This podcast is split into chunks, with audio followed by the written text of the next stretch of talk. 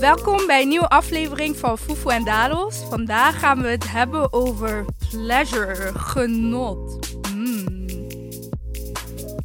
Ik heb hier vandaag met mij in de studio Alida, Ilham. En Suela. de, En dat ik mezelf mag aankijken.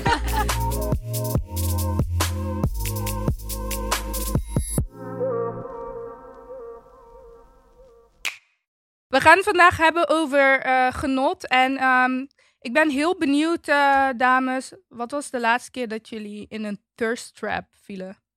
Bedoel je dan, zeg maar, dat iemand iets stuurde en dat was dan niet wat ze... hoe ze Ja, of de laatste keer dat je iets deed eh, wat, wat, wat nogal thirsty was. Oh. Maar, maar je deed het voor jezelf, weet je wel? Dus het was eh, genieten, genot. bij mij Oeh, vind ik eigenlijk wel moeilijk. denk ik in deze quarantainetijd.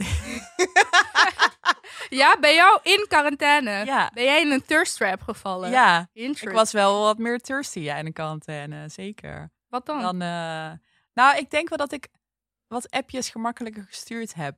Eh, Hmm. oh makkelijker shit. dan normaal. ja. Een soort van quarantaine texting in plaats van drunk texting. Precies. Precies, ja. Ik heb Van- ook gehoord dat er veel, veel exen soort van in- eh, uit hun graf zijn uh, Ja. tijdens de Het was een piekmoment. Nu moet eruit Ik, komen. dat had ik trouwens ook. Ik kreeg ineens een, eh, een volgverzoek van een eh, ex-gal. Dat was wel grappig. Hmm. Maar het is ook wel logisch toch? Want mensen zitten gewoon voor veel thuis. Dus dan ga je gewoon een beetje kijken van... Goh, eh hoe am I gonna hit up, you know? Precies, ja. ja. En Ja, maar voor wat? Maar ook misschien het gevoel van, ja, ik had Oh. nothing to lose. Er zijn heel veel woorden. Waarom zou ik nog boos blijven? Exactly. Weet je wel? Zo erg Omdat, omdat de aarde eindigt Ja. en de wereld gaat might as well. might as well. Ik. Anyway, ehm, we hebben natuurlijk vandaag de lovely ladies Alida en Ilham in de studio. Eh, jullie hebben hun leren kennen natuurlijk in voorgaande afleveringen.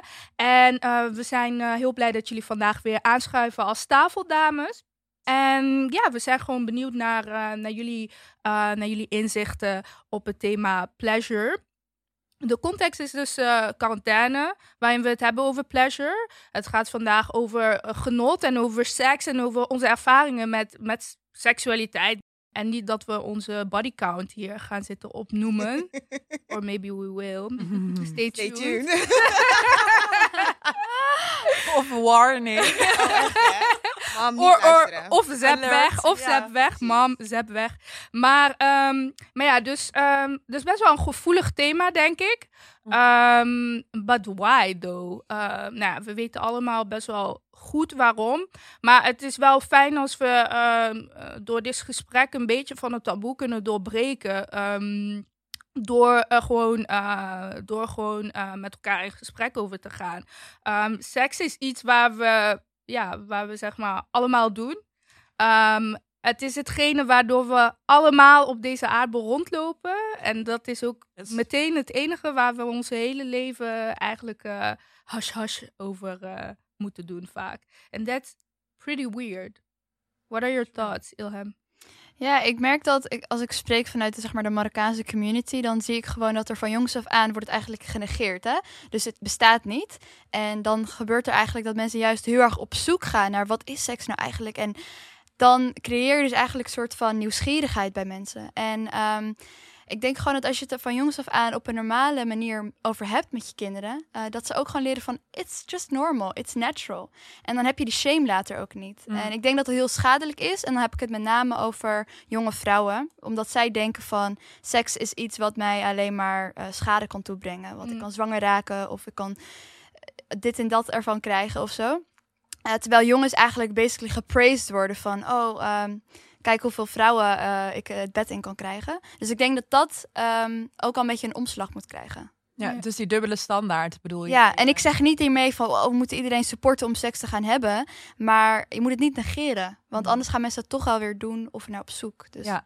Ja. Ja. en ik hoor jou inderdaad ook zeggen van dat stukje schaamte dat er altijd bij eh, komt kijken, dat je dat eigenlijk los van elkaar koppelt. Want dat is wel iets waar ik mezelf ook in herken. Ik weet niet of dat voor jullie ook geldt allemaal. Dat je dat voor mij seksualiteit en schaamte eigenlijk heel lang eh, Samen gingen? eh, samen gingen. Ja, dat Ja, ik me moest, ja. zou moeten schamen voor behoeftes die ik heb. Of oh, je hebt seks gehad, dat kan echt niet. keep it a secret, dat.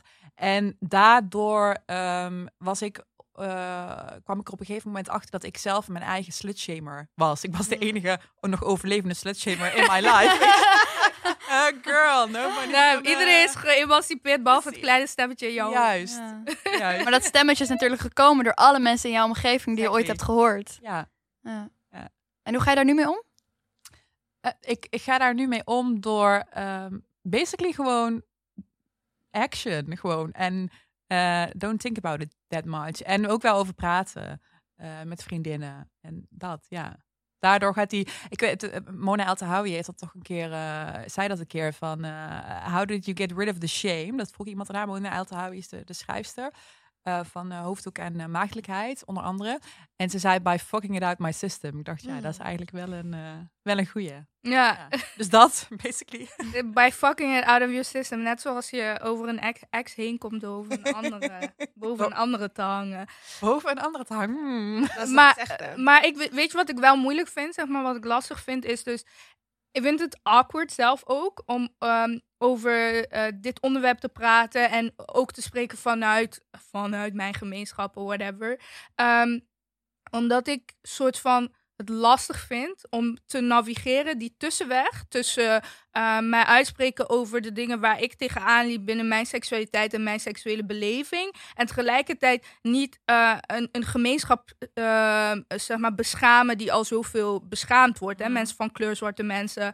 Ehm, en dat vind ik dus altijd zo'n lastige ehm, ehm, tussenweg. Dus ik probeer ook soort van meer vanuit mijn persoonlijke ehm, ervaring te spreken. En dan te kijken van, ehm, ja, ik hoop gewoon dat iemand eh, zich erin herkent en er door geholpen is. Maar het is altijd een soort van een awkward ding om het gevoel te hebben van, ja, je zegt iets, maar er luisteren zoveel mensen mee waar je soort van, eh, die niet per se mee moeten per se doen met een inside gesprek. Weet je, hoe ga je daarmee om? Ja, vind jij niet dan van, dan zou ik vraag terug willen eh, le- leggen van dat sommige ehm, ervaringen ook wel universeel zijn. Ik bedoel, zo, er is wel verschil, hè? daar hebben wij het over in eh, de culturen waar wij voornamelijk vandaan komen en de, de heersende westerse norm hier in het land waar wij nu leven. Maar ehm, schaamte is volgens mij toch wel iets wat, ehm, correct me if I'm wrong, bij heel veel voornamelijk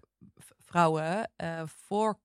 Ja, Hoe denken jullie daarover? Dat het ook wel universele dingen zijn als je het hebt over schaamte en seksualiteit. Maar jouw punt snap ik ook hoor. Ja. Eh, Mijn tandwielen draaien heel erg. Want dit is de eerste keer dat ik soort van dit gesprek op een podium voer. Waardoor ik dus zeg maar mee moet nemen wat Christelle net zei. Van eigenlijk ga ik het over iets hebben wat een beetje een insider Mhm. gesprek is.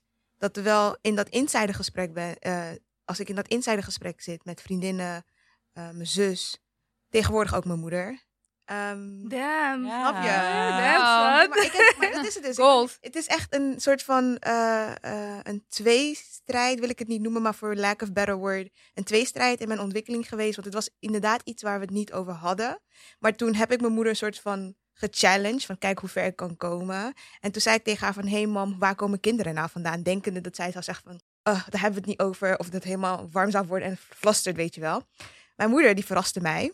Die komt dus gewoon naast me zitten en die gaat dus helemaal haarfijn, helemaal op specifiek ehm, de woorden. Hè. Dus niet- helemaal geen spijt? Ik had doodspijt. Ik was volgens mij 12 of 13. Ik had doodspijt dat ik haar ooit gechallenged heb. Zij heeft alles uitgelegd, specifiek op naam. Dus geen pipi of Oh. eh VJJ. Nee, vagina, penis, zaadcellen, alles. Dus neem het as it is, baby. Precies. Ehm, het was wel voornamelijk biologisch, maar het, het was, niet, het was ook niet fear-based. Zo van, je moet geen seks hebben, want dan krijg je Mm. kinderen. Het was heel erg meer op informatie van, oké, zo gebeurt het nou eenmaal. En toen zaten we daar 45 minuten lang. was echt heel lang en gedetailleerd, ja. En ehm, op een gegeven moment dacht ik, oh shit, why did I do this? Dat- Mm. Like cringeworthy. Maar als ik erop terugdenk, ben ik er eigenlijk wel blij om. Mm. Want ik wist toen alles. En ik ehm, heb toen niet echt het idee gehad van... oh, het is iets waar ik me voor moet schamen en waar ik voor terug moet deinzen.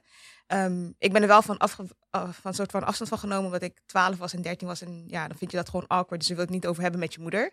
Maar het was niet iets waar ik dan van schuwde. Mm. En dat heb ik eigenlijk meegenomen in mijn vriendschappen. Daar praten we echt super open over seks. Niks is taboe. Dus in dat opzicht, als ik het heb over schaamte, is dat er niet. Maar spreken in het publiek, ik denk dat ik daar dan wel schaamte voor zou hebben. Tenminste, het lijkt niet zo. Maar omdat ik het nu zo open over heb hier. Mm. Zo, ja, schaamte is universeel. Persoonlijk, do I feel ashamed or feel shame when talking about sex, um, having sex? Nah, not really. Ik denk ook dat het afhangt met je partner.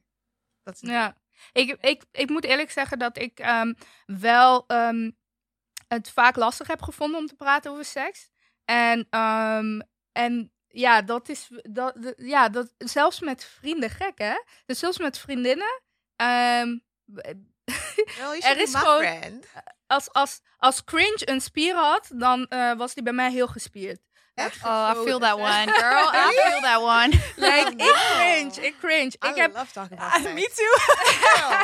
Ik Okay, heb we're on the same boat. ik, Corona high five. Nee, Echt high elbow. Nee, nee, Ilham en ik zitten, zitten op hetzelfde, in hetzelfde schuitje, hoor ik. Nee, ik denk wel dat ik, eh, ik... Het is wel iets waar ik wel aan heb moeten werken, ook voor mezelf, zeg maar.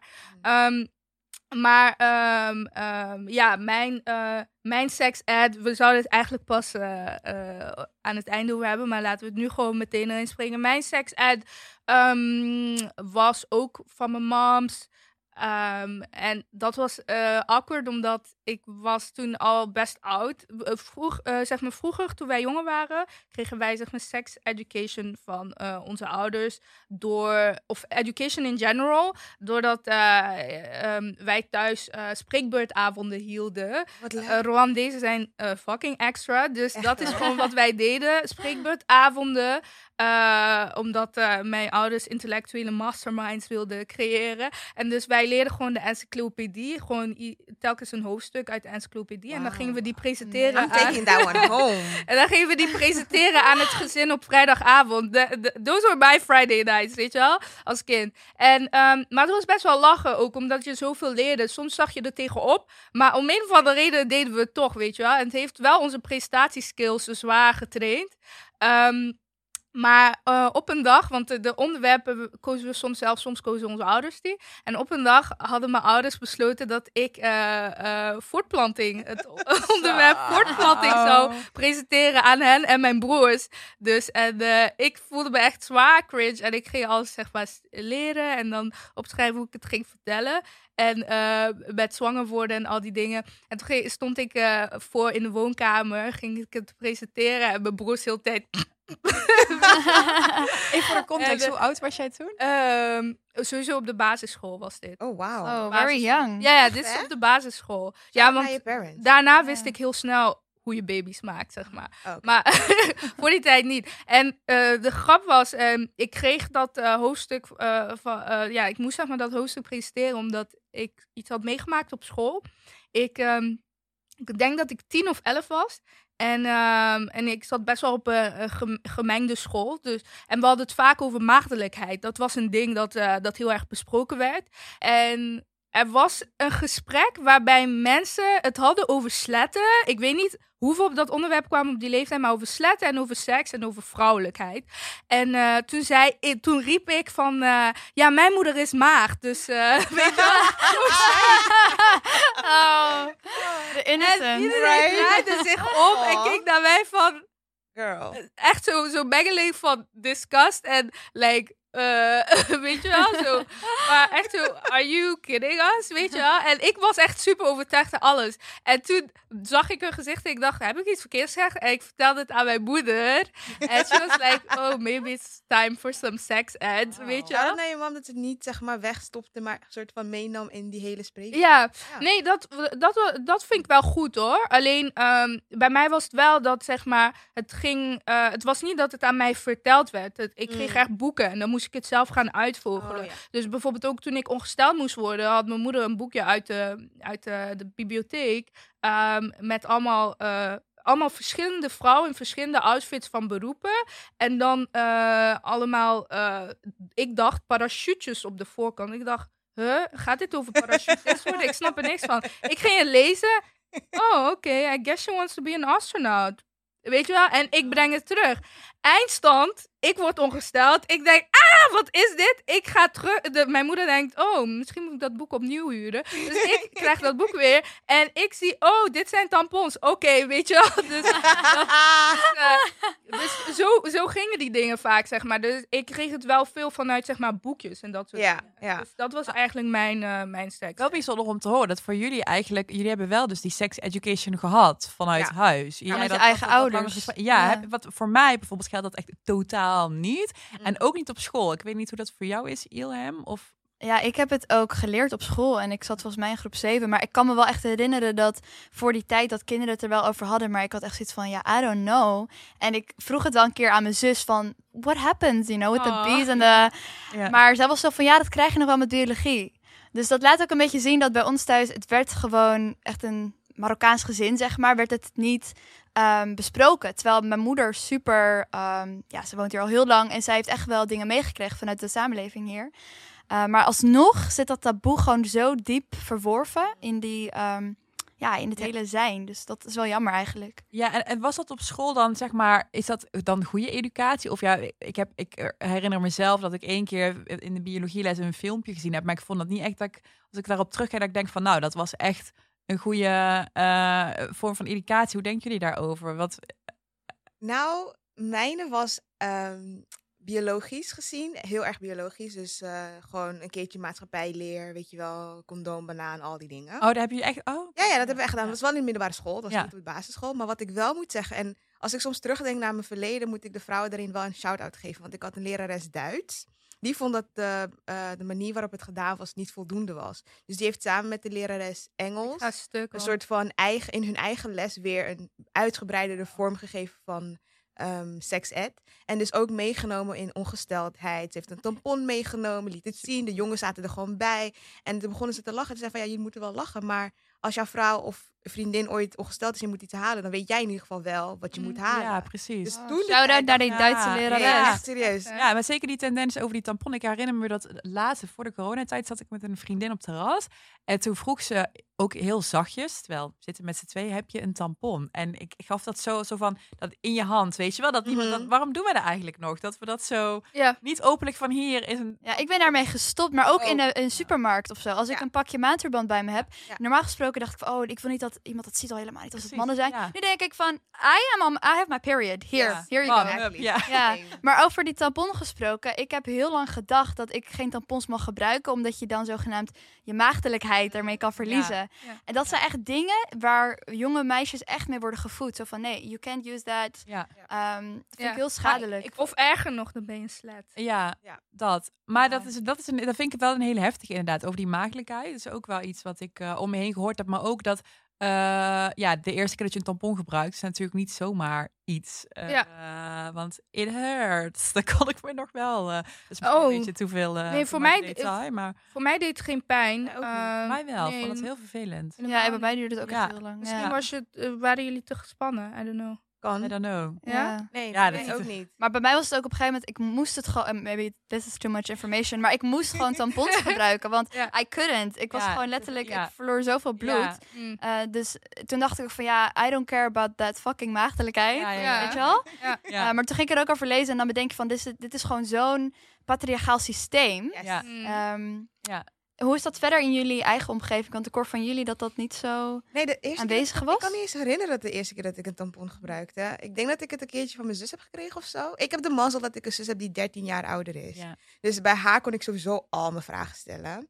Ehm, en dus de eerste keer dat ik ongesteld werd in haar bijzijn. Zij dacht dat dat de eerste keer alle tijd was, maar dat was niet zo. dus toen eh, zijn we samen dingen gaan kopen. Zei ze van, oh. En toen dacht ze van, oh shit, dit moet ik zeg maar sensitief aanpakken, want dit is je eerste keer.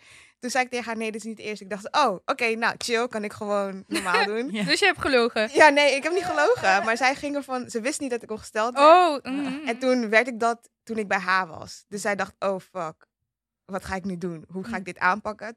Dus toen kwam een beetje opluchting toen ze erachter kwam dat het niet de eerste keer was. En toen zei ze van, oh, je kan een maand van me gebruiken, maar ook een tampon. En volgens mij was dat de eerste keer. Ik Ja. Oh, ja. En toen Ja. zei ze van, nou, dit moet je doen. En toen hebben we de, meteen de kleinste gehaald. En Ja. nee, sindsdien, that's Ja. it.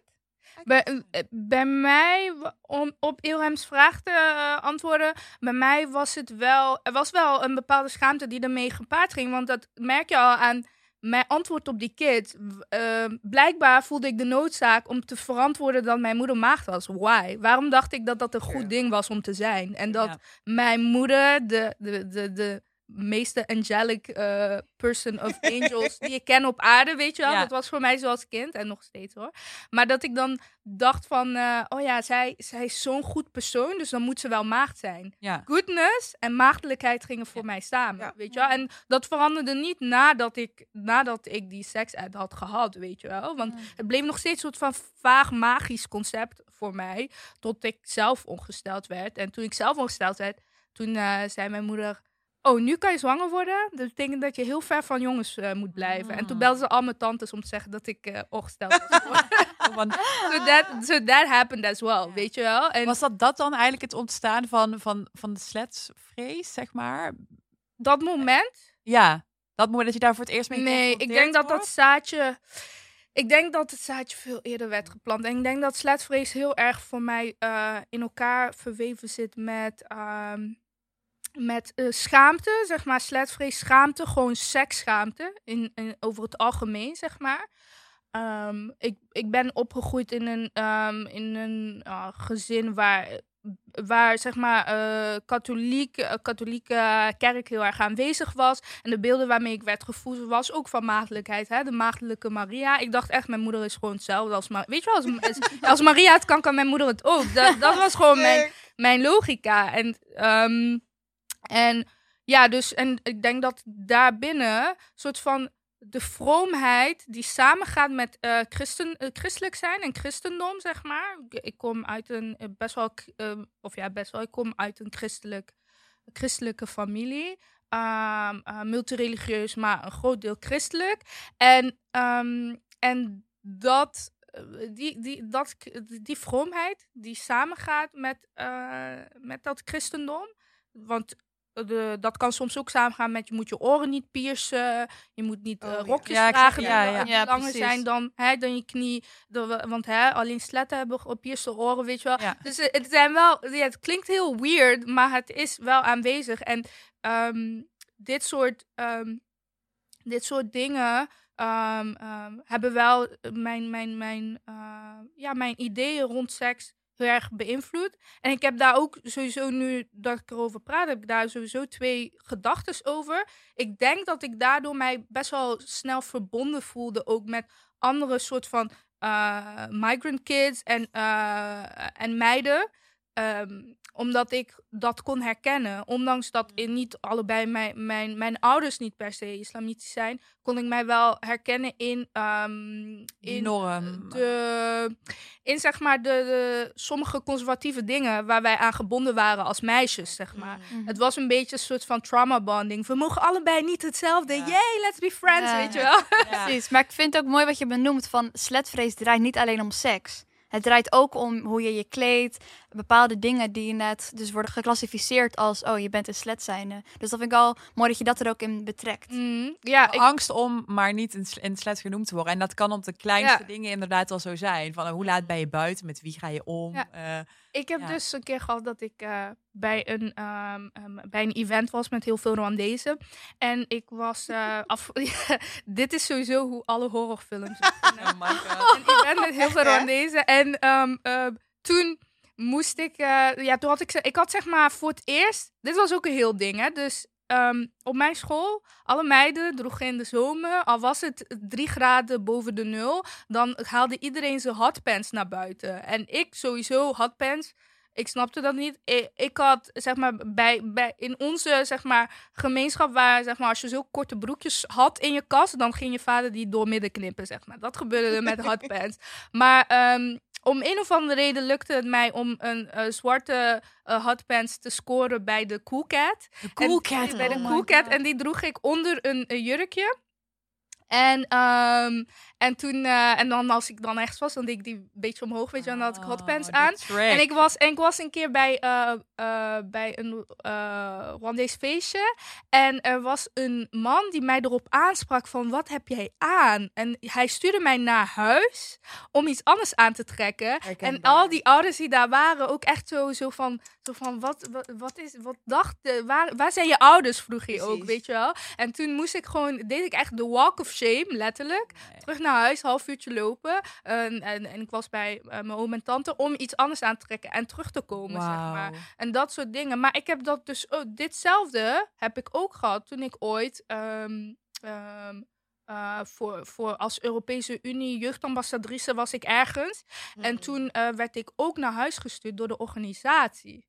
Dus dit is mij zelfs in mijn professionele context Ja. al eens eh, overkomen. Ehm, en ik denk dat dat ook te maken heeft, als ik eerlijk ben, met eh, de, de soort van de, eh, de seksuele. ehm, ja, hoe zeg je dat? De, de seksualiteit eh, die wordt toegeschreven aan een zwart lichaam. Het lichaam van een Mhm. zwarte vrouw. Want ik was daar Mhm. toen ook de enige ehm, een zwarte vrouw met eh, eh, eh, volle, met rondingen, zeg maar. En nu zijn ze niet zo groot, maar in die context ehm, ehm, was, was ik eh, de, de, de rondste, zeg maar. En, eh, en ja, het viel mij gewoon op dat ik naar huis, dat ik naar huis werd gestuurd. Ik had echt niet het kortste ooit aan, hoor.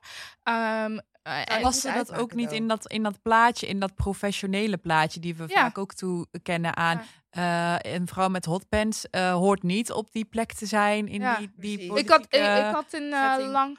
Ik had een eh, blazer aan, zeg maar. Je weet wel, zo'n ja. jurkblazer. Oh ja, als, wel? Ja. als En- jurk, zeg maar. Ja, en, en, en Rwandees zeggen dat ben je broek vergeten. Maar daar zeiden ze, dachten ze letterlijk Maar dat dit ik was, als- dit was in Istanbul, toch? Als Ja. ik me goed herinner. Ja. Ja. dus ja. Dat. Is, eh, Maar het is niet, het, het, de, orga- de organisatie was niet per se Turks of zo. Dus ja. eh, heeft niet, het, het- dat voor, eh, zeg maar, ik wil hiermee aangeven en ook daarom benoem ik ook mijn eigen achtergrond van schaamte en shame culture en conservatisme is niet, en dat vind ik vaak moeilijk, wanneer dat gebeurt, wordt vaak, zeg maar, wordt dat soort van samen ge- geperst met islamofobie en dan Ja. gebruikt als stok om eh, voornamelijk eh, mensen met islamitische achtergrond mee te slaan. Ja. En ik haat dat zo erg, omdat er zit zoveel meer in. Ik, zeg, ik geef ook vaak het voorbeeld wanneer mensen zeggen van ja, ehm, het kan nooit een. eh, de, als, als mensen het hebben over zelfbeschikkingsrecht en wat we, me- vrouwen wel of niet bij wet zouden moeten verboden zijn om te dragen, dan zeg ik van ja, toen ik in de brugklas zat, toen had ik nog nooit van strings gehoord. En ik leerde voor het eerst van strings toen ik ging eh, eh, sporten met, ehm, met de meiden bij mij in de klas. En toen zag ik dat en ik was de enige met zogenaamde oma-onderbroek aan. En ik dacht van, wow, dan moet ik dat ook soort van dragen om soort van sexy te zijn. Dus ik werd soort van ge, geconfronteerd of soort van inge, eh, naar binnen gezogen in die soort van seksuele ehm, ehm, ehm, ehm, sexiness of zo. Zonder dat ik zelf er per se al mee bezig was op die manier. En het zat super irritant. Het voelde als een veter in mijn kop. Nog steeds. Ja, en als, eh, eh, als eh, straf had mijn moeder, want ik vroeg haar van, ja, mam, mag ik een string dragen? En zij ging me echt zo aan, oké, wel, oké. Toen gingen we naar de Vibra, eh, ehm, fucking embarrassment. En toen kocht zij een XXL-string, zo, met zo'n lange veter. en toen moest ik er een knoop in leggen, zodat hij mij Oh. paste, zeg maar. Maar ik heb hem toch gedragen. Oh, bizar. Ik had altijd geleerd in mijn hoofd of zo van nee, strings, dat kan je alleen maar dragen als je echt een slet bent. Of zo. Gewoon dat zat zo in mijn hoofd. Mm. Ik kon me niet, be- ja, kon me niet indenken dat je dat gewoon voor je plezier of zo. Heel raar. Dus Mm. dat zijn van die dingen dat ik nu denk van, hè? Maar hoe, waar komt dat vandaan, zeg maar? Hoe kan ik dat als klein meisje hebben gedacht? Hmm. Ja. Dus hebben jullie dat ook met bepaalde dingen die je dan vroeger associeerde met, oh, dan ben je een slet? Nou ja, ik was de slet op mijn middelbare school. Dus die ervaring die jij bijvoorbeeld hebt van ehm, je kon je samen met andere migratieleerlingen eh, herkennen. Ik was een beetje te losbandig. Want ik mocht van mijn moeder ehm kortere jurkjes aan. Jurkjes die strak waren. Ik weet nog dat ik naar een school Want je bent opgegroeid in? Ik ben in Amsterdam-West opgegroeid. Mm. En de school waar ik op zat was wel een hervormd lyceum. Dus je zou eh, bij eh, achtergrond christelijk. Alleen er zaten nu zoveel kinderen met een eh, islamitische achtergrond... dat dat eigenlijk een beetje weggevallen was. Dus de voornaamste populatie was islamitisch. Mm. En ik was dan een van de weinigen die dan nog christelijk was. Want ik ben Rooms-Katholiek opgevoed. Dus ehm, omdat ik daar op school zat, ik mocht technisch gezien van mijn moeder best veel. Ook als ik het heb met Rwandese vriendinnen. Dat ze zeiden van ja, ik weet nog dat je naar het feestje kwam, je had iets aan. Oh my god, hoe durf je dat? Was dan een jurk aan die dan body hugging was en zo. En dan zei ik doodleuk, ja, mijn moeder heeft hem uitgekozen met mij. Dus zij, zij vond dat blijkbaar niet erg en dus ik ook niet. Mm. Ehm, en omdat ik dat dus aan mocht, eh, ook op schoolfeestjes en zo, ehm, was ik dus de slet van de school. Omdat ze zeiden van, oh, dat kan niet, jouw rok is volgens te kort. Jij praat met jongens, dit, dat, dus zo. Meanwhile, ik was echt volgens mij inderdaad Maria zelf eh, op de middelbare school. Ik durfde helemaal niks. Ze waren gewoon vrienden. Dus die ervaring is meer van, het was me opgelegd. Mm. Eh, dus dat ik dus Ja. losbandig was, slet was, al die dingen. Ja. Maar gewoon puur op het feit dat je dan het, eh, een korter ro- rokje droeg dan iemand Precies, en anders. dingen mocht wat ik dus ehm, van mijn moeder, dingen van mijn moeder mocht die zij dan niet mochten. En de grap was, is dat ik van die meiden, die dus toen de tijd vriendinnen noemden, maar dat was achteraf niet zo, want dit deden ze natuurlijk achter mijn rug om. Maar van hun moest ik wel heel veel geheimen bewaren, zoals ehm, hun korte broekjes en rokjes bewaren, zodat als ze dan op school aankwamen, dan hadden zij, eh, waren ze helemaal bedekt, maar dan op school kleedden ze zich om. Maar dan konden ze niet natuurlijk mee naar huis nemen, want anders zou iemand dat zien en dan hadden ze straf. Of als ze afspraken met jongens, dat ze mij gebruikten van, hé, hey, ik ben bij Alida thuis. Ehm, en als ze dan mij appte van, ja, Alida, ik heb tegen mijn moeder of mijn broer of whatever gezegd dat ik bij jou ben, dan weet je dat. Oh, Alida is de alibi. Ja. Precies, ik was heel vaak de alibi. Ja. Ehm, maar ook zeg maar de alibi als in van ga je met me mee wandelen? En dan hadden ze toevallig dan een jongen uitgenodigd. Maar dan was, was ik dan de beard, zeg maar. Een soort van als ik dan iemand tegen, precies, dat? als ik Ja. als een, iemand tegenkomt die zij kennen, dan is Alida erbij. Want dan Ja, ja, ja. ja was dat, haar vriend. Maar dat is echt zo. Dat is herkenbaar, echt een van- klassieker. herkenbare van als, als je iemand tegenkomt. Ik, ik heb, ja, dat je dus gaat daten in een andere stad heb ik altijd geweigerd om te doen. Maar daardoor deed ik het dus helemaal niet. Omdat ik het wel eerlijk wilde doen. Maar wel herkenbaar dat wat je zegt, van dat je dan zo gezien wordt, omdat je dan toch anders bent. Ja. Eh, En thuis, thuis was dan ehm, een beetje hetzelfde, want ik ben rooms-katholiek opgevoed. Wat ik dan wel merkte is dat mijn moeder ehm, de afstand van, of tenminste seks, een beetje als, gesprek ver- vermeed. Niet zozeer omdat ze bang was dat ik bijvoorbeeld losbandig zou zijn. ehm, en niet zozeer eh, om de eh, respectability van mijn familie. Dat kwam meer van andere familieleden. Mhm. Dus ooms en tantes die mij dat oplegden en zo.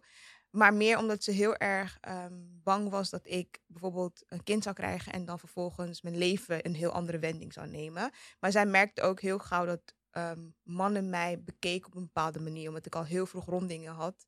En dat merkte ze al heel vroeg. Dus daar was ze meer beschermend over. Van oké, ik wil graag dat jij bij me blijft. Vertel mij maar alles. En dan reageert ze wat heftiger. Maar als ik er nu op terugkijk, is het meer om mij te beschermen van een soort van prying. ja, want die seksualisering die bij Precies. tienermeisjes gebeurt. Van je hebt ineens een lichaam dat eh, eh, ineens echt geseksualiseerd wordt. Terwijl je daar mentaal eh, misschien nog helemaal niet mee Nee. bezig bent. Ja, maar de, buitenwereld ziet jou wel Ja, zo. Totaal niet. Ja, En ik was dus zo'n prototype kind. Ik had dat echt niet door. Ik dacht Ja. van, oh, ze praten gewoon met me omdat Ja. ze me gezellig vinden. Maar dat, vind- ik vind dat wel, dat wel heftig, want die seksualisering die houdt eigenlijk nooit op. Ik, ik herinner me nog, ik denk ehm, vier weken geleden of zo, toen eh, ben ik gaan hardlopen. En toen reed er iemand langs op de scooter en dan een hele vervelende opmerkingen. En dus dat blijft eigenlijk, vanaf die leeftijd blijft dat bestaan. Je wordt gewoon op straat eh, geseksualiseerd Ja. door verschillende mensen. Dat is wel... eh, Ik heb daar laatst, ehm, of een tijdje terug, eh, best wel een moeilijk gesprek over gehad met mijn vader.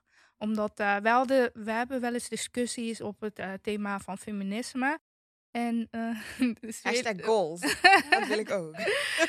we hebben dus wel eens discussies op, op het vlak van feminisme, omdat ik eh, toch wel gewoon op bepaalde onderwerpen wil ik tot, wel tot hem doordringen. En vaak dringt het ehm, tot hem door als hij doorheeft dat ik het niet heb over abstracte Mm. ehm, cijfers, maar over zijn eigen dochter. Mm. of echte Ik, gebeurtenissen. dus. Dan komt het ook dichterbij hem, hè? Ja, en, dan, en op een gegeven moment hadden het over. ehm, ehm, eh, hij vond het dan zeg maar best wel lastig om te zien eh, hoe dat er zoveel in het nieuws dan eh, werd gesproken over, ehm, over bijvoorbeeld catcalling.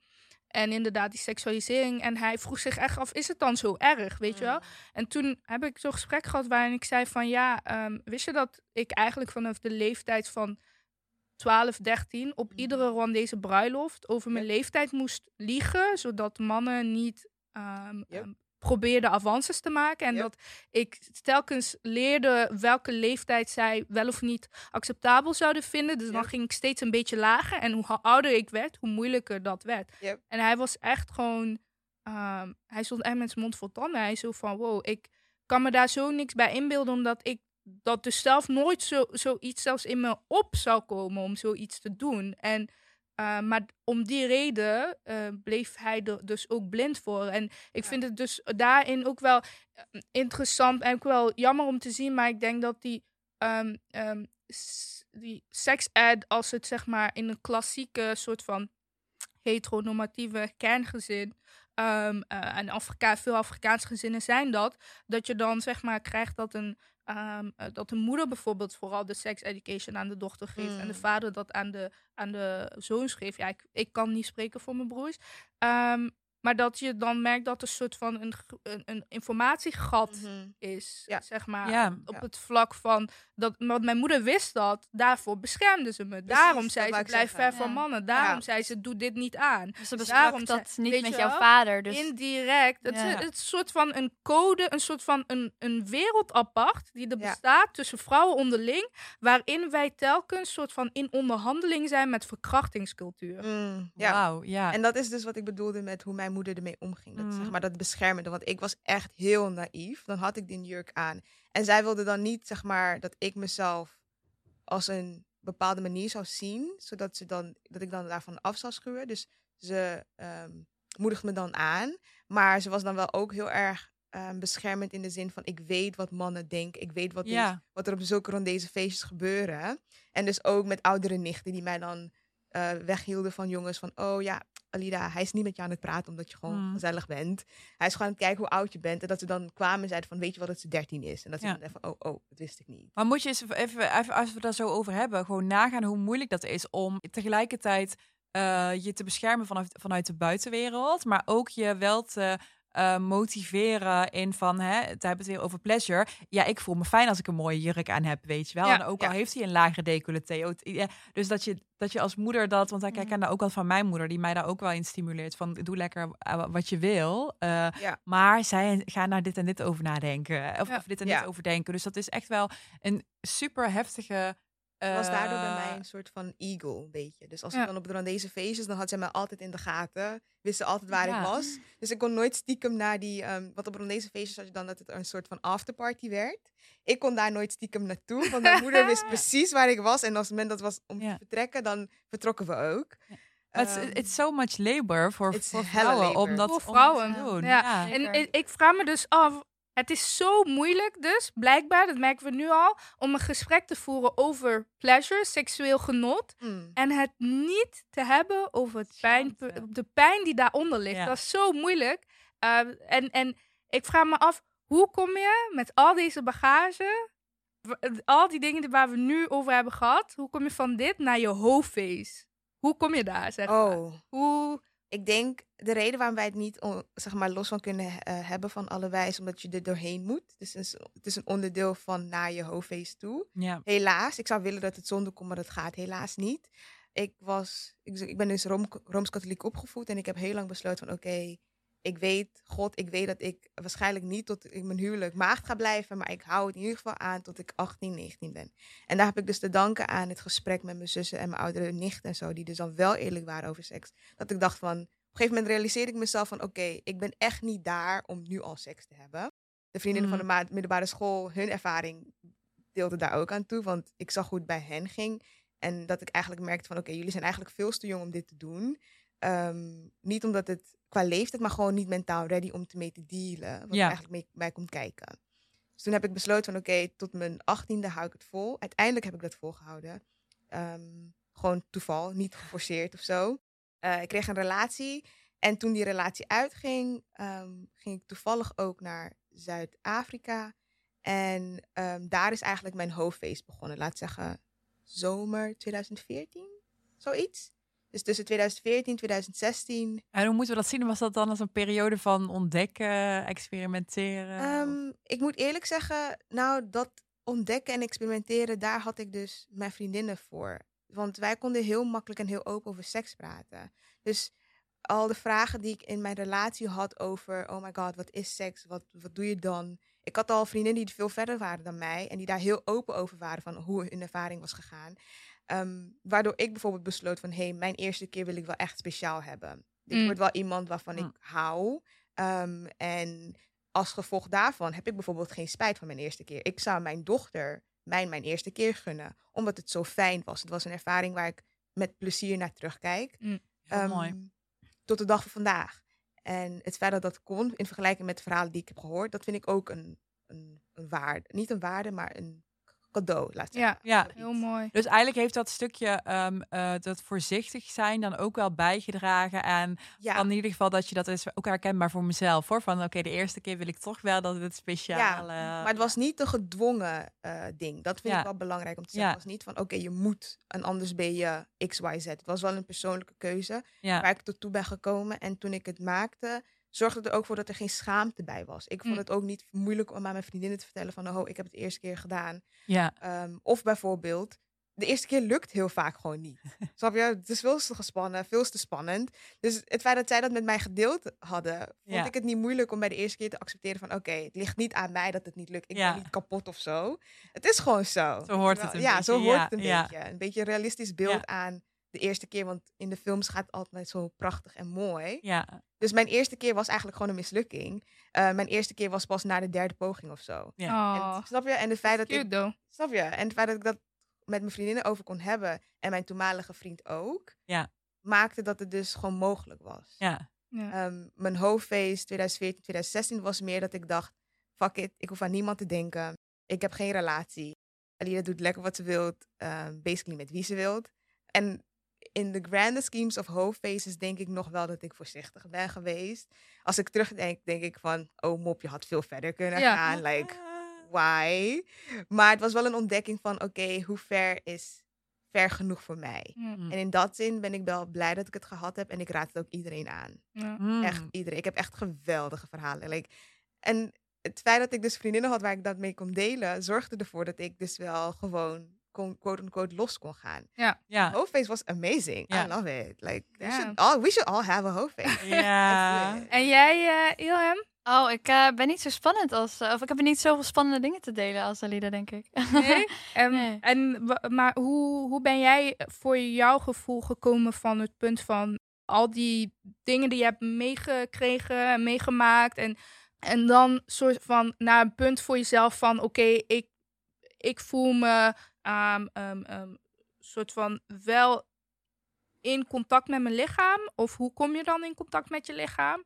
En, en hoe, hoe ziet dat in contact zijn met je lichaam eruit voor je? Want het kan ook zijn dat je na zo'n hele exploratie en na zo'n hele jeugd waarin je allerlei dingen over seks eh, leert, ook denkt van, oh, oké, but maybe al die, eh, misschien is al dat avontuurlijke soort eh, eh, vorm van seks ook niks voor mij. Dat kan, hè? Ja, nee, precies. Ik ehm, moet zeggen dat ik op de middelbare school, ik was gewoon totaal niet ermee bezig. Het interesseerde me gewoon niet, weet je. Ehm, dus ik, was, ik kon me gewoon niet echt heel erg relaten met die vriendinnen die dan wel bijvoorbeeld hele wilde verhalen hadden. Eh, maar ik voelde me ook niet gepressured zo van, oh, dan moet ik het ook proberen. Dus ik ben wel blij dat ik altijd gewoon dacht van, nee, um, that's not for me for now. Eh, dus daarin ben ik altijd wel gewoon true naar mezelf gebleven. En ik denk dat dat ook heel belangrijk is. En dat Heel mis ik vaak wel. Dat we misschien ook onderling ehm, als vrouwen toch een beetje elkaar pressure kunnen geven of zo. Hè? Mhm. En niet alleen vrouwen natuurlijk, maar ehm, ja, je hoeft niet per se seks te hebben om eh, pleasure te kunnen kennen. Er zijn zoveel meer eh, dingen in het spectrum. En ehm, ik denk ook dat het heel erg wel vaak heteronormatief is als we het ook hebben over bijvoorbeeld seksuele educatie. Mm. Eh, dus ik denk dat dat ook wel belangrijk is. Dat we mensen ook leren van ehm, dat het niet per se alleen maar tussen een man en een vrouw is. Maar dat er zijn zoveel meer facetten. Ehm, dus voor mij is het nog steeds gewoon een proces waar ik in ben. Maar ik leer ook wel meer van dat ehm, sexual liberation is niet alleen maar van eh, ik heb een hoofdface. Ik bedoel, do you sis, weet je wel, amazing. Maar het, ehm, het is zoveel meer. En ik vind dat ook wel mooi om dat meer te kunnen omarmen, zeg Ja. maar. Dus En- dat je het echt Ja. breder kan trekken. En waar ben je voor jouw gevoel nu in, ehm, in, eh, in je proces? Ik merkte bijvoorbeeld voor mij, want je gaf net al aan van we, we hebben een beetje soortgelijke ervaringen qua seksualiteit. En voor mijzelf, ik ben heel erg op zoek naar waar voel ik me comfortabel bij. En mijn eerste ervaring was net die van Alida wel heel erg fijn. Ehm, tegelijkertijd heb ik gewoon heel veel slechte seks gehad. en eh, dat is eh, best wel met, met uh, voorgaande partners, wil ik erbij zeggen. En, Oh, heel belangrijk. en, eh, nee, maar dus en, en, en die. ehm, en als ik het dan heb over pleasure, ik was zeg maar, ik voelde dat ik was heel erg een dat conservatisme, conservatieve eh, ehm, eh, seks, seksualiteit, ehm, heb ik heel erg geïnternaliseerd, denk ik. Als ik echt een soort van een eh, psychoanalyse van mezelf maak. Eh, maar soms denk ik ook, fuck it. Als datgene is waar ik me dan op dit moment comfortabel bij voel, is dat niet wat ik, wil ik dan niet pushen. Waar het wel voor heeft gezorgd, een lange tijd, is dat ik ehm, genoegen nam met slechte seks. Omdat ik Mm. veel meer bezig was met het feit dat je eerste partner je laatste partner moet zijn. Weet je wel? Mhm. Daar was ik veel meer mee bezig dan met, eh hey, hoe voelt een eh, orgasme? En, ehm, en dus, ehm, eh, ja, dat is, dat is voor mij zeg maar best wel een, een, een lang het idee. Ik heb zelfs eh, nog een tijd met het idee gelopen dat ik gewoon niet kon klaarkomen, weet je wel. Dus eh, dat zijn wel dingen waar ik, waar ik eh, doorheen heb moeten gaan. En waar ik soort van, ehm, wat ik nog steeds navigeer, zeg maar. Voor mij bijvoorbeeld is het ook belangrijk eh, als, ik, eh, als ik bijvoorbeeld met iemand intiem wil zijn. eh, dat intimiteit inderdaad meer is dan fysiek contact. Dat Ja. ik echt een gesprek heb. Ja. Want dat, volgens mij noemen ze dat in popculture sapiosexual. Dat je Mm. zeg maar intellectueel eerst aangetrokken moet zijn tot iemand. Zeg je maar. verder kan gaan, ja. En, en ja, op een goed, ge- gewoon echt klaarkomen op een goed gesprek, heerlijk. Ehm, Nee, maar maar ja, dat zeg we lachen maar. er wel om, maar dat is dus bijvoorbeeld ehm, wel iets wat ik dus eh, na de hand ook leer. Dus mijn hoofdface was meer van oké, eh, ik omarm het feit dat ik een sexual being ben en dat ik dus dat mensen dus aangetrokken tot mij voelen en eigenlijk niet meer in eh, acht moet nemen dat ik een partner heb, want ik was best, best wel jong toen ik mijn eerste relatie kreeg. Als ik erop terugkijk. Hoe oud was je? Eh, ik was 18, net 18 tot aan 21. Dus dat is eigenlijk de piek waarin. En daarin was ik super braaf in de zin van hij was mijn end all be all. Dat is een ander verhaal. But like he was my end all be all. I thought we were going married, like have kids, all of that. Maar toen dat dus eh, stuk liep, moest ik eigenlijk eerst mournen om het feit van het idee wat ik had van Ja. oh dit is En waarom denk je dat dat was? Dat je dacht dat hij de end-all be-all was. Was hij zo geweldig of kwam dat ook door dat idee dat je gevoeld was van de eerste partner moet de laatste partner zijn? Nee, het kwam niet door het idee van de eerste partner moet de laatste partner zijn. Het kwam door het idee wat ik had wat liefde inhield. Hm. Ehm, en dat ik. Wij eh, allebei ja. tegelijk. dus Do is- tell more. Nou, kijk, wat ik toen eh, voor beeld van liefde had, is eh, hoe ouder ik werd. Dus, want kijk, ik was 18 toen we iets kregen. En in iemands, om het zeg maar uiterlijk te omschrijven, ik ging van mijn ouderlijk huis naar basically een- mijn partners. We woonden niet samen of zo, maar het was meer van, oké, ik had eigenlijk nooit ruimte gehad om te bedenken van, wie is Alida nou? Wat wil ze nou? En wat betekent liefde voor jou? Ik nam gewoon dat mee wat ik had meegekregen thuis. En ging dat, zeg maar, praktiseren in relatie. Ehm, en dan ben je ook geneigd om gewoon dat wat je hebt geleerd mee te nemen van oké, dit is het. Maar hoe ouder ik werd, hoe meer ik begreep van hm, dit zit eigenlijk niet goed. Het idee van liefde, wat het eigenlijk inhoudt. En daarom liep het ook stuk. Ehm, en dus toen ik mijn hoofdfeest inging, was het niet zozeer om de mannen die erin gingen. was meer van oké, Alida ontdekt zichzelf. Dus ik was voor het eerst helemaal op mezelf in Zuid-Afrika. Ik kende niemand. En ik moest eigenlijk op mezelf aangerekend zijn voor alles. En dat is best wel eng. De eerste twee weken dacht ik ook echt van, what the fuck heb ik gedaan? Oh my god, I want to go home. Maar tegen het einde dacht ik, nee, Alida, jij, jij hebt eigenlijk niemand nodig. Je kan gewoon overal een nieuw leven eh, opbouwen. De vrienden die belangrijk zijn, die blijven er gewoon. Je mist niks. Er is geen FOMO. Het is geen, oh, ik word vergeten. ehm, ik besta niet meer. En eh, krijg ik wel zulke vriendschappen, want die heb ik hier kunnen maken. En daarin kwam dus ook die hele ontwikkeling van sexual being. Van, hé, hey, ik ben mooi, mensen vinden mij aantrekkelijk.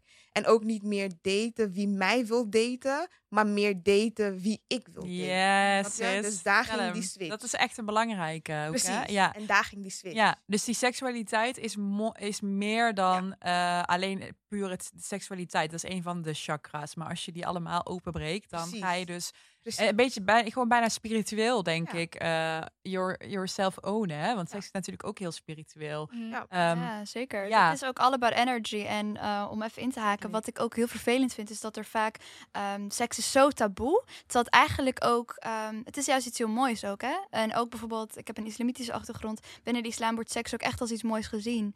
Eh, een soort van viering van twee lichamen en zo. Maar dat, dat zie je niet teruggekoppeld in de communities. Ja. en dat Nee. vind ik zo Ja. jammer. Ja. En eh, ik wilde nog even benoemen dat een spoken word en poëzieartiest Siham, ehm, zij maakt dus allemaal eh, poëzie over ehm, seksualiteit om meer openheid te creëren binnen de Marokkaanse gemeenschap.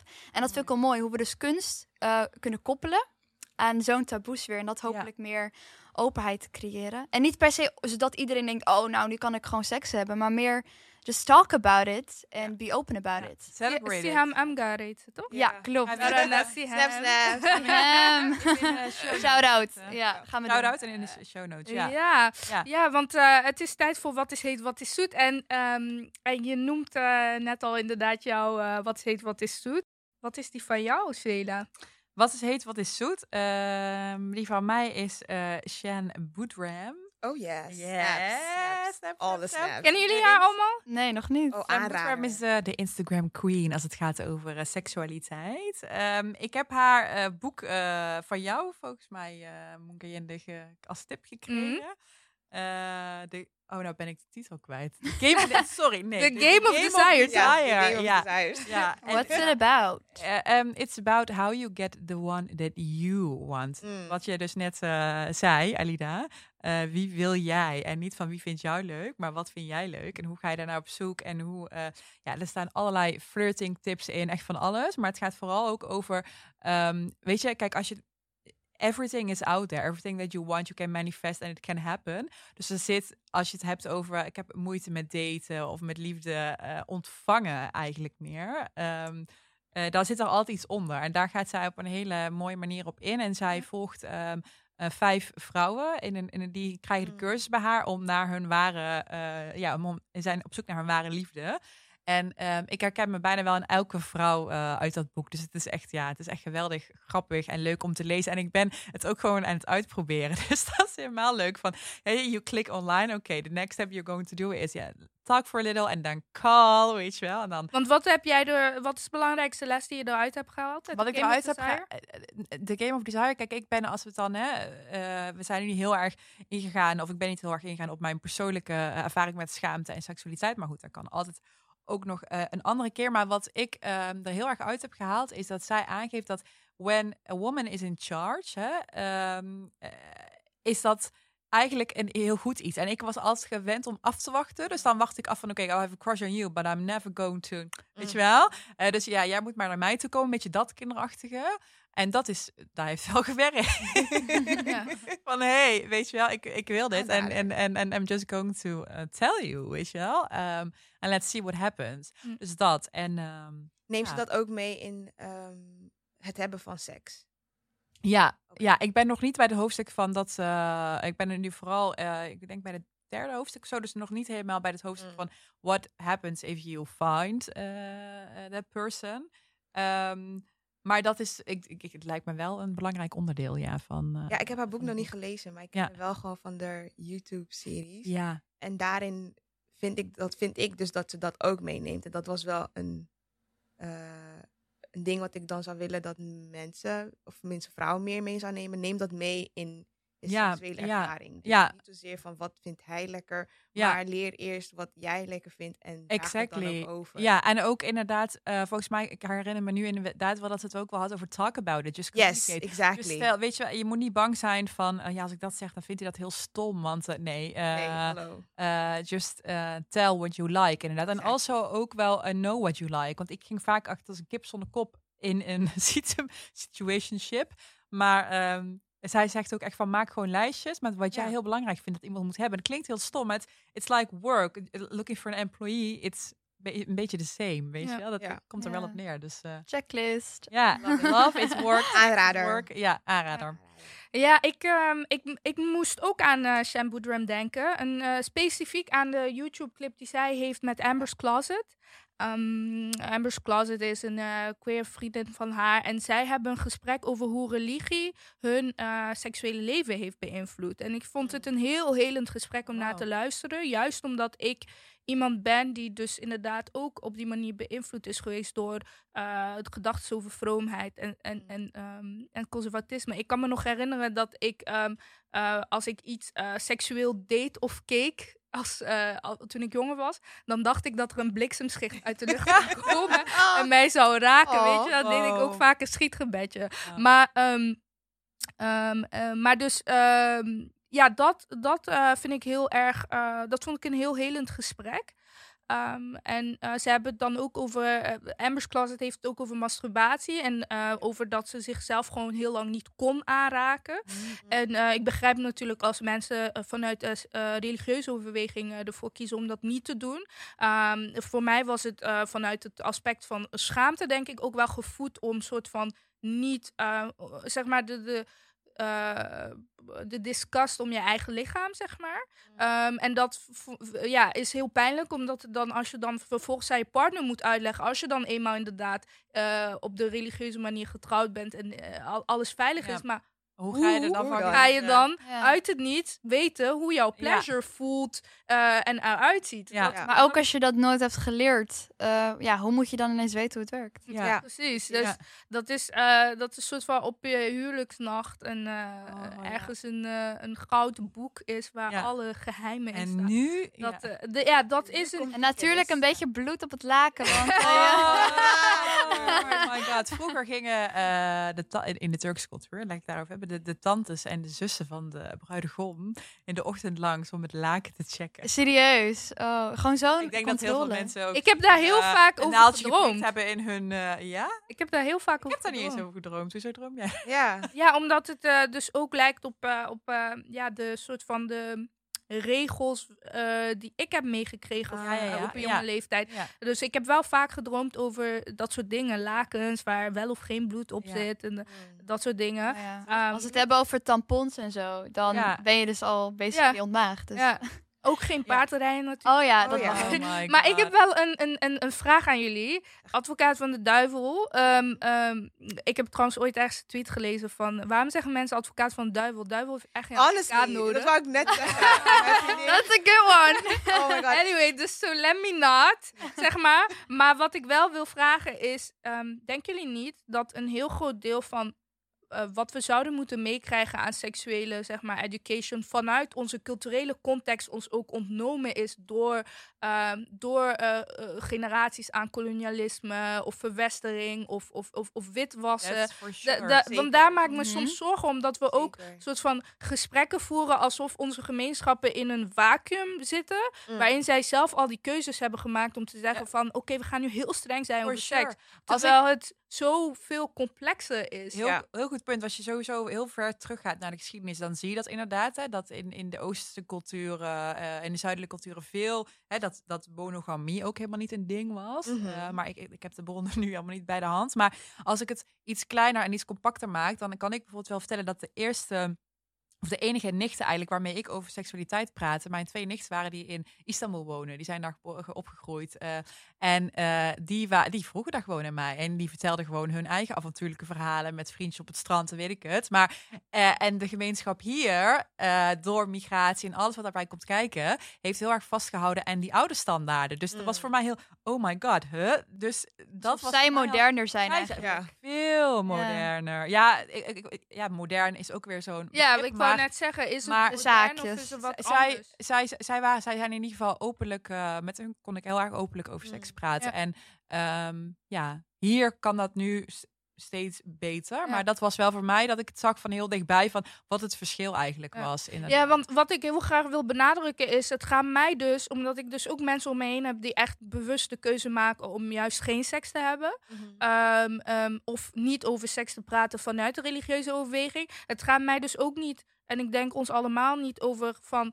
oh je bent pas bevrijd als je het hebt of als je actief daarmee bezig Zeker bent op die nee, manier. absoluut Maar niet. Het gaat, denk ik, eh, vooral om het soort van het verbrijzelen van eh, het idee, de mythe, dat praten over seks eh, zorgt voor seks of zo. Weet Ja. je wel, bij kinderen. Dat, Ja. zeg maar, Ja. eh, alsof, zeg maar, zolang we er niet over praten, zal eh, die of die er ook niet aan beginnen. Ja. En dat is juist andersom. Eh, Ja. de- dat zal ervoor zorgen dat diegene er o- een, een eh, verkeerd aan begint of een rare ehm, ehm, relatie Ja. tot zijn lichaam eh, ontwikkelt. En de, Maar ook ehm, het idee van consent niet meekrijgt. Dat is wat Vooral dus- dat. Dat is dus wat ik heel erg meekrijg in mijn opleiding als kinderpsycholoog in SP.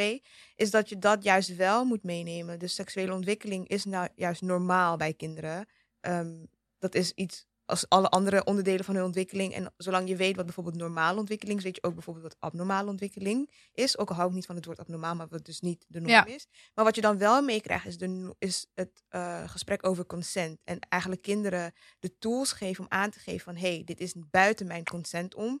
Ik kan dit met mijn ouders delen van deze persoon ging mijn grens Toestemming. over. Ja, Precies. oh, maar dat zou heel nuttig zijn bijvoorbeeld als eh, mensen grensoverschrijdend gedrag ervaren of misschien zelfs Precies. aanranding, verkrachting. Precies. Ja. Want hoe vaak horen we wel niet verhalen van mensen die zeggen ja, maar ik durfde het niet te zeggen, want ik schaamde me. Ja. Terwijl iemand gaat over jouw grens heen. Ja, ja. En, dat is zeker dus ook een dat vaak van- voorkomt in binnen families en Absoluut, eh, ja. netwerken. Hè? Ja. Nee. Nou, ik heb eh, nog een Wat is heet, wat is zoet, om Oh. daar weer even op in te haken. Dat is ehm, de podcast die Mongayende mij getipt heeft, Dying for Sex. Kun je Oh, ja. uitleggen, Mongayende? Ja, Dying for tijd, Sex. eh, We hebben, de, we hebben in quarantaine Dying for Sex zitten te luisteren. Eh, Ja. De titel zegt misschien al, geeft al een stuk weg. Maar het- de, de podcast gaat over Molly en haar beste vriendin. En ehm, eigenlijk maakt haar beste vriendin de podcast over Molly. Mm.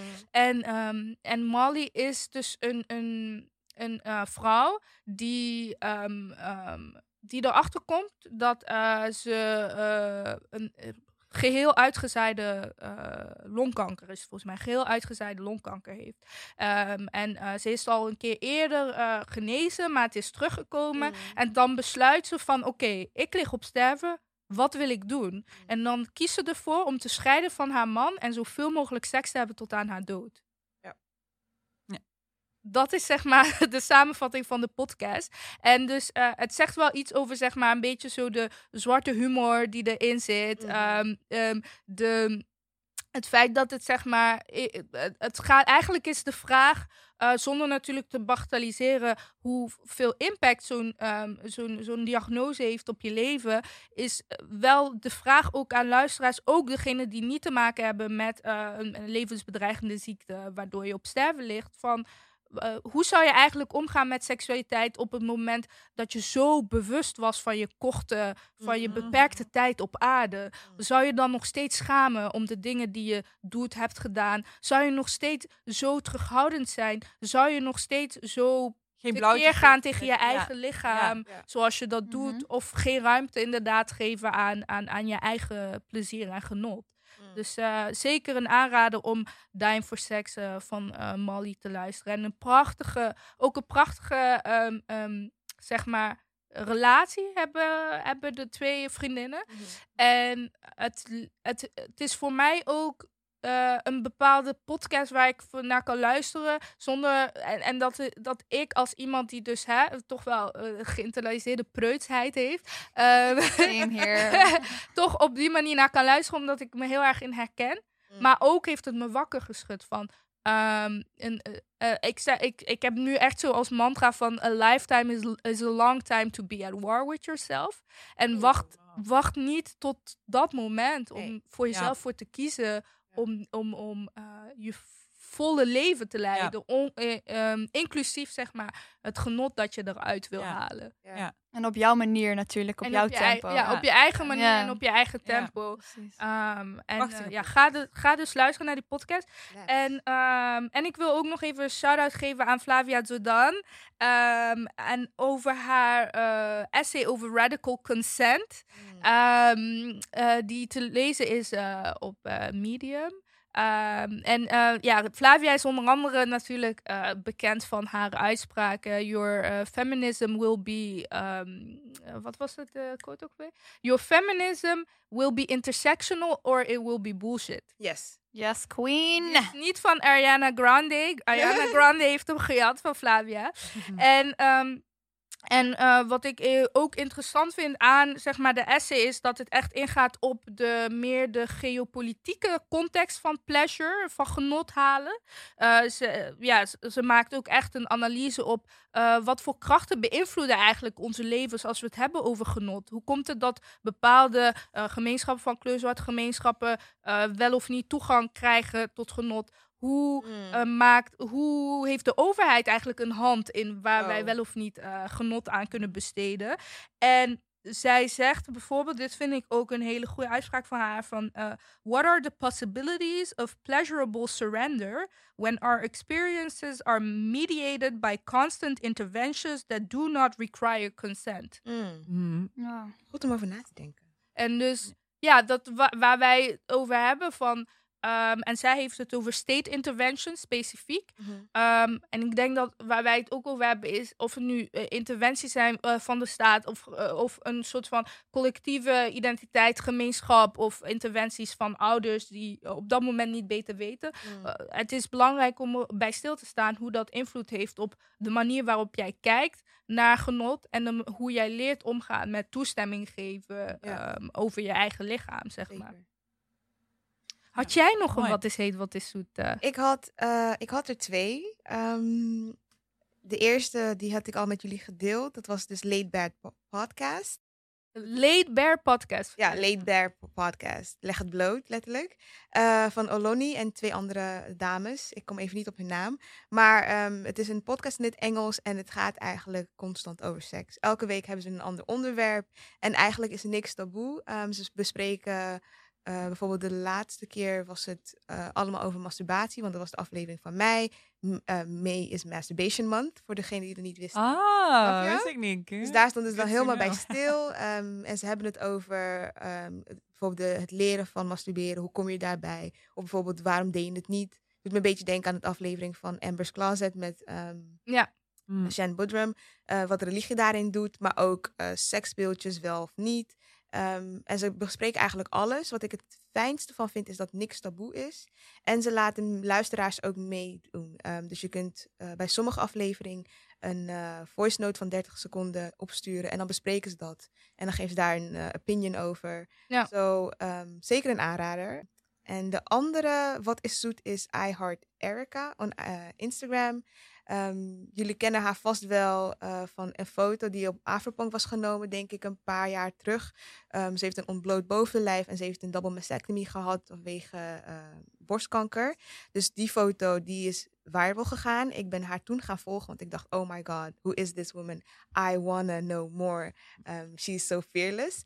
En wat blijkt, zij is de sex educator die ik iedereen zou willen wensen, die ik zelf zou willen zijn en die ik zelf gehad zou willen hebben. Omdat zij het absoluut over alles heeft en daarin intersectionaliteit meebrengt. Dus zij is zelf ook queer. ehm, weet daar heel veel van. Ehm, voor mij is dat heel fijn, want mijn perspectief is heteronormatief.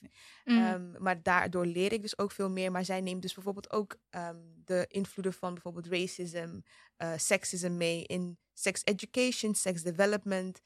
en wie dan dus ook vrijheid of eh, de freedom krijgt om zich volledig seksueel te ontwikkelen naar, naar eigen willen. Ehm, dus ja, ik zou zeggen, volg haar. Ehm, zij is eh, heel erg fijn voor eh, vervolgbronnen. Dus het is niet alleen dat zij alles uitlegt, maar ze zegt ook van wil je hier meer over weten? Kijk dan hierna, kijk dan daarna. Neem dit mee. Ze neemt ook ehm, populaire series daarin mee en ehm, ontleedt ze ook. So yeah, those are my um, what is Dope. Dope. Heel dope. Ik heb, ik heb eh, een, een aflevering van, ehm van Leedberg geluisterd. En ik Mm. vond het tof dat ze het eh, dus ook hadden over hoofdfeest. En wat ik echt grappig vond was eh, dat ze het hadden over... Je weet, jullie kennen allemaal de theorie van liefdestaal, toch? Ja. En zij hadden het over... ehm, eh, maar wat is jouw hoe language? That's Weet je a wel? good one. En dus eh, ik vond het grappig, want toen ik erover ging nadenken, dacht ik van, ja, mijn liefdestaal is eh, dus wat ik net zei, sapiosexual, weet je Mm. wel, goede gesprekken. Dus mijn whole language is dirty talk. Oeh, yes, yes. Dus ik ben ook wel benieuwd naar jullie whole language. Jij, jij kent die van mij wel, denk ik, hè? Nee? Ja, we hadden het laatst hadden we het erover demi... Ja, ik weet de term niet, demisexual of zo? Dat het... Daar lijkt het op, heb je het gevoel? Ja, En dat is? dat is de, de emotionele attachment. Als ik die heb met Mm. iemand, want ik kan niet zozeer zeggen... no offense, dat ik, dat ik zo zwaar aanga op eh, intellectual talk. Mm. Maar wel op uh, do we connect, do we think about family, dus Mm. Dus family values en al die family dingen. values. Ja, dat heel erg. Emotional connection. Ja, zij wordt, wordt altijd. Ik kan me daar wel in vinden. Hele literally Emotional- same. Ja, connection is gewoon voor mij echt eh de thing, man. Ja, Oké. Snap ik. ja. Ik wil niet It veel exposen, maar it hit, it's different. Van, eh, we understand, we can talk about uh, our family traumas. Let's Ja? trauma bond. En dan... Echt, eh, ja, eh, om maar weg te blijven van Trump. Nee, bij mij is het eh, eh, als iemand zegt, eh, ik wil de wereld redden. Echt? Weet je wel, dat is voor mij echt oh een nee, dat vind ik allemaal niet zo eh, belangrijk. Nee. Nee. Laat de wereld maar vergaan. zo, zo ken ik Us het against the hele. world. ja, for real. Met die trauma's van jullie. Nee, dat ik- it can be toxic a little bit. Ja, toxic sex also. uh. Oh, Of Make-up fighting. sex. Ja. Make-up seks. Maar dat is, Ja. dat is ook psychologisch bewezen zo, dat dat een heel, eh, is een hele, eh, hoe zeg je, hormonale cocktail. Ja. Vertel, Ja. vertel jij Ja. het. eh, Oh nee, ik weet het echt niet on the spot hoor. Maar je hebt wel gelijk in de zin dat je zegt dat het een, heel, een, een Ja. eh, soort van mental Ja. eh, connection is. Maar- dat je het heel graag ook wilt goedmaken. Ja. En dat het daarna ook echt... Ja, ik ben daar dus wel in, in, in een soort van shift van, hoor. Ik, ben- ik ben niet voor niks eh, single. Gaat in de... driving to the maybe uh, more uh, uh, connection or Ja, uh, dope. equality Eh, so. En jij, Ilham?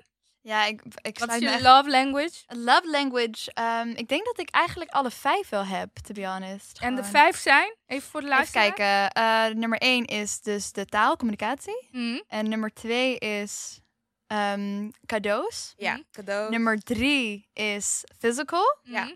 physical. Eh, nummer vier is Act of service. active service inderdaad. Dus dat je partner of zo dingen voor jou doet. Ja. Ja. Eh, en nummer vijf, wat is nummer vijf jongens?